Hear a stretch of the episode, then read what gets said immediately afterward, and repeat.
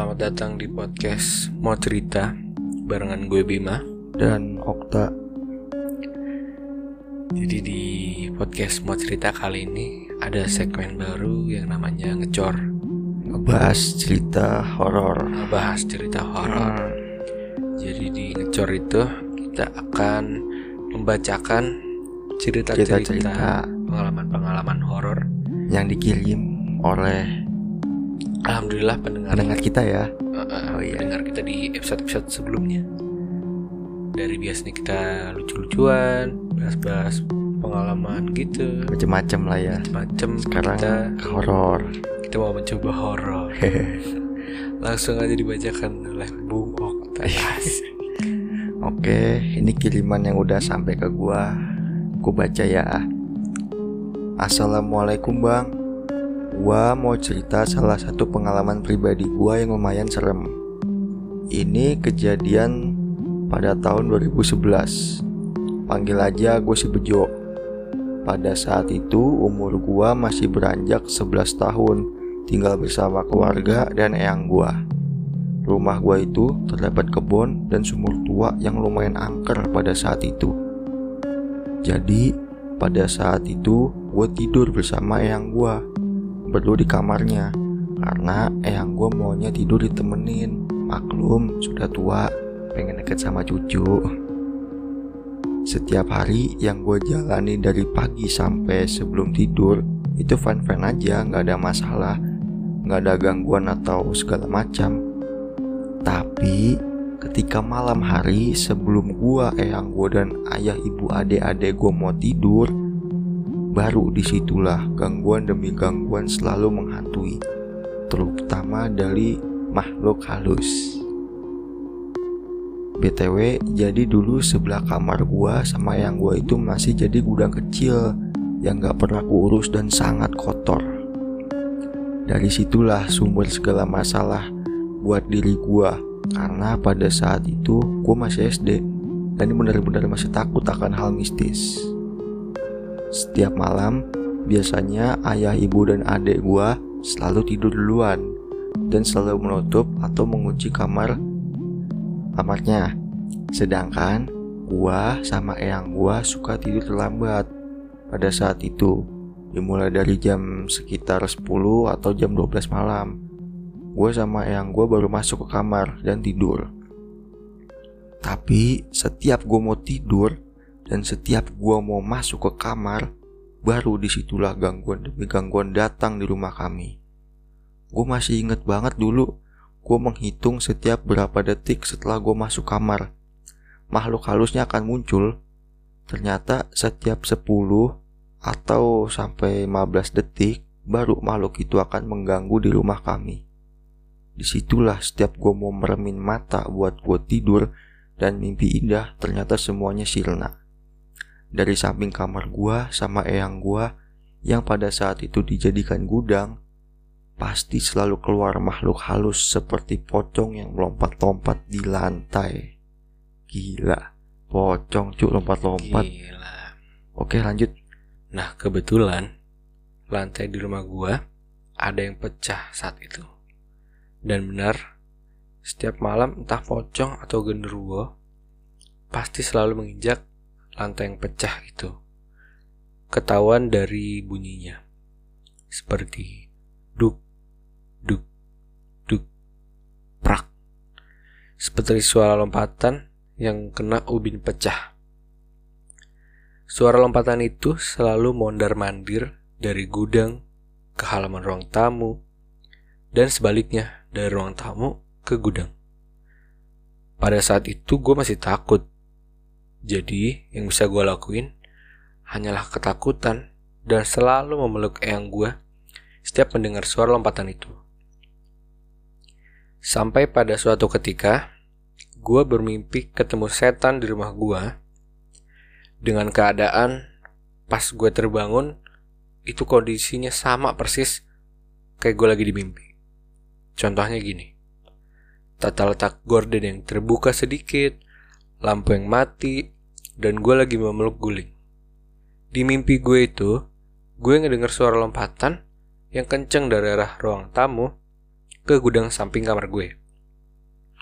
Saat suara itu makin dekat, kebetulan gorden kamar gue terbuka sedikit dan terlihatlah dari luar suara itu dari mana. Ternyata suara itu berasal dari makhluk berambut panjang dengan berpakaian merah dan mata yang merah. Yang bikin kaget adalah ketika setan itu berhenti di depan gorden gua dan menatap ke arah kamar dengan matanya yang merah dengan penuh kedendaman di matanya. Setelah melihat itu gue langsung terbangun dari mimpi gue. Dan bener aja, pas gue bangun, posisi tidur gue dan tata letak gorden yang masih sama, gak ada perubahan sama sekali. Dari situlah gue teriak dan gue panik bangunin yang gue untuk nenangin gue karena pada saat itu yang gue masih takut banget akan hal-hal mistis. Yang gue kaget dong. Dibilang kenapa? Gue pun pada saat itu gak bisa ngejawab karena gue udah panik banget. Panik dan panik dan takut. Jadi yang gue lakuin hanyalah diam.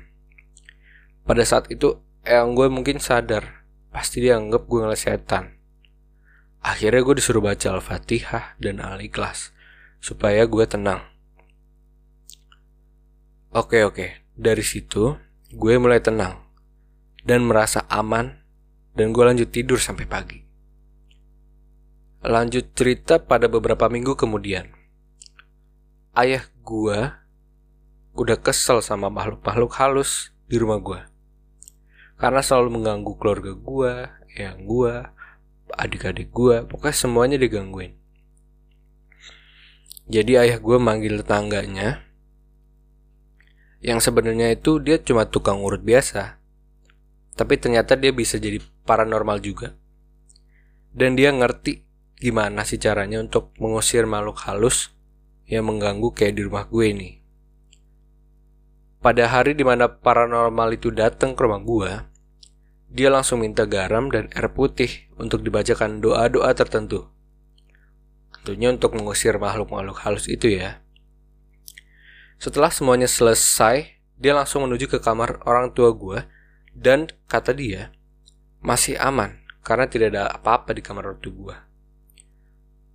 Selanjutnya dia menuju ke kamar gue. Sebelum dia masuk ke kamar gue, si paranormal ini rasa kurang enak dan kurang nyaman ada energi besar di samping kamar yang gue. Jadi paranormal ini langsung skip kamar gue dan yang gue dan langsung menuju ke gudang yang berada di samping kamar gue. Sumber energi besar itu muncul. Pas paranormal itu sampai di gudang dan dia langsung buka pintu gudang di samping kamar gue tersebut. Beliau langsung kaget dan lompat ke belakang. Spontan gue sekeluarga juga ikutan kaget dong. Dan penasaran, kok bisa dilompat? Paranormal itu langsung melemparkan garam dan air doa ke dalam gudang tersebut. Dan dia langsung membaca doa untuk mengusir makhluk-makhluk halus tersebut. Pada saat itu, gue yang lihat dan gak ngerti apa-apa, ikutan takut. Bahkan, dia sampai lompat gitu. Mungkin karena kaget sama apa yang dia lihat di rumah gue ini ya. Setelah semuanya berlalu, dan paranormal itu selesai dengan urusannya di gudang, dia langsung menceritakan semuanya ke gue dan keluarga gue. Ibu gue bertanya, Bapak, kenapa? Kok tadi sampai lompat gitu? Memang ada apa pak di dalam rumah kami? Si paranormal pun menjawab, Tadi saya sempat mengajak bicara makhluk halus tersebut. Mereka ada tiga, yang di mana satunya pakai baju merah. Pas gue denger cerita paranormal itu, gue langsung tercengang. Berarti yang gue lihat di mimpi bener. Paranormal itu menjawab lagi. Tadi saya tanya ke mereka bertiga, kenapa ada di sini dan kenapa dalam gudang ini. Setannya pun menjawab, katanya sebelum di gudang ini, mereka tinggal di kebun yang ada sumur tua di samping rumah ini. Mereka itu pindah karena pohonnya ditebang beberapa hari yang lalu. Jadinya mereka pindah-pindah. Pindah tempat maksudnya. Kebetulan mereka bertiga ketemu tempat ini yang mereka sukai. Yaitu gudang di rumah gue ini. Gue waktu ngedengar cerita itu sih ketakutan banget ya. Bahkan gue sampai nggak berani ke kamar mandi karena dengar ada tiga makhluk halus yang berada di rumah gue. Serem banget berarti ya dia sampai nggak berani ke kamar mandi gitu. Iya saking hmm, tiga. Tiga Makhluk banyak ya. sih itu ya.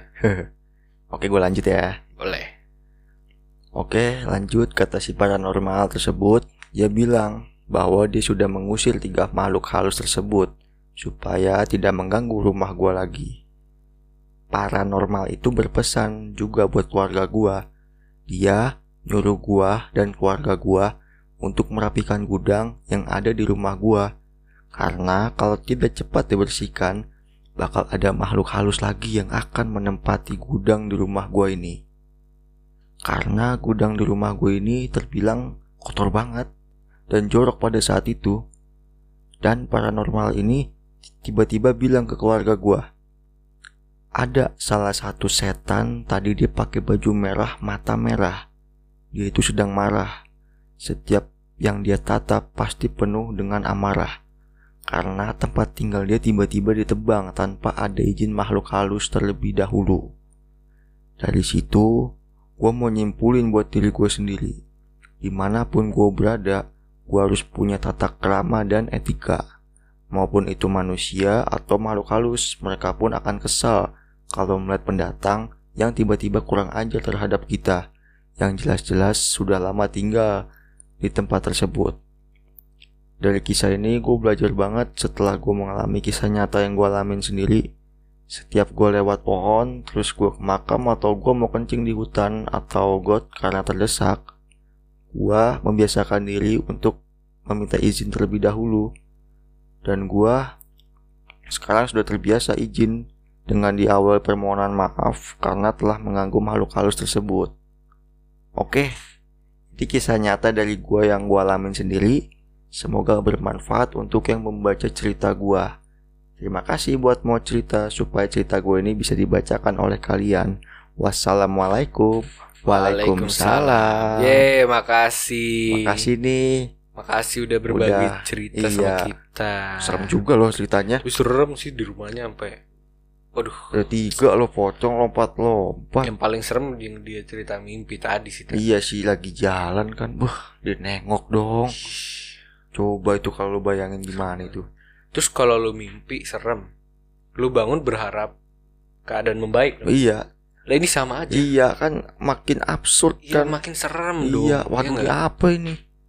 Gila gila gila, sih. Gila banget ini orang. Makasih loh si Bejo. Bejo Makasih Bejo udah ih nggak nyangka sih gue ada cerita. capek-capek buat cerita gini keren sih cerita lu. Asli asli. Nah gimana nih? Kira-kira lo semua lo yang lagi dengerin sekarang pengen juga nggak cerita dibacain kayak si Bejo ini? Bisa langsung kirim aja di email Gmail. email kita Ah, di apa namanya? podcast.maucerita@gmail.com Atau atau di DM Instagram juga boleh. Oh iya bisa bisa bisa. Bisa. Sama juga Instagram kita ada di Mau podcast.maucerita. cerita. Oke. Mungkin segitu dulu cerita dari kita pada episode ini. Segmen apa namanya? Segmen ngecor Ngecor. Ngebahas Ngebahas cerita cerita horor. Barengan gue Bima. Dan Okta.